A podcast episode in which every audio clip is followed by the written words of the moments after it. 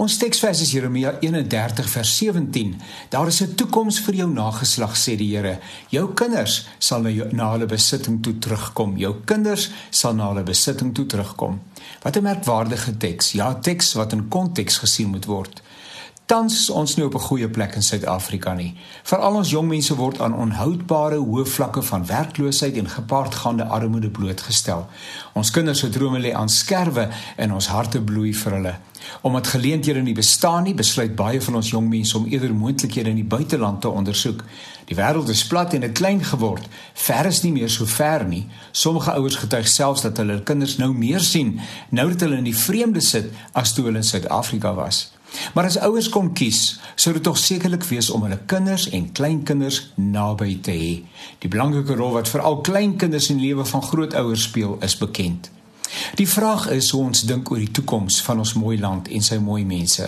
Gaan ons die land spreekwoordelik op 'n skinkpot weggee aan die magte van die duisternis of gaan ons alles in die stryd werp om hierdie land te red van die afgrond waarop dit oënskynlik op weg is? Daar is vir die wat wil sien reeds merkwaardige dinge besig om te gebeur. Volgende jaar se nasionale verkiesing mag veranderinge bring. Baie meen volgende jaar is te gou, maar met die volgende algemene verkiesing sal die bordjies verhang word.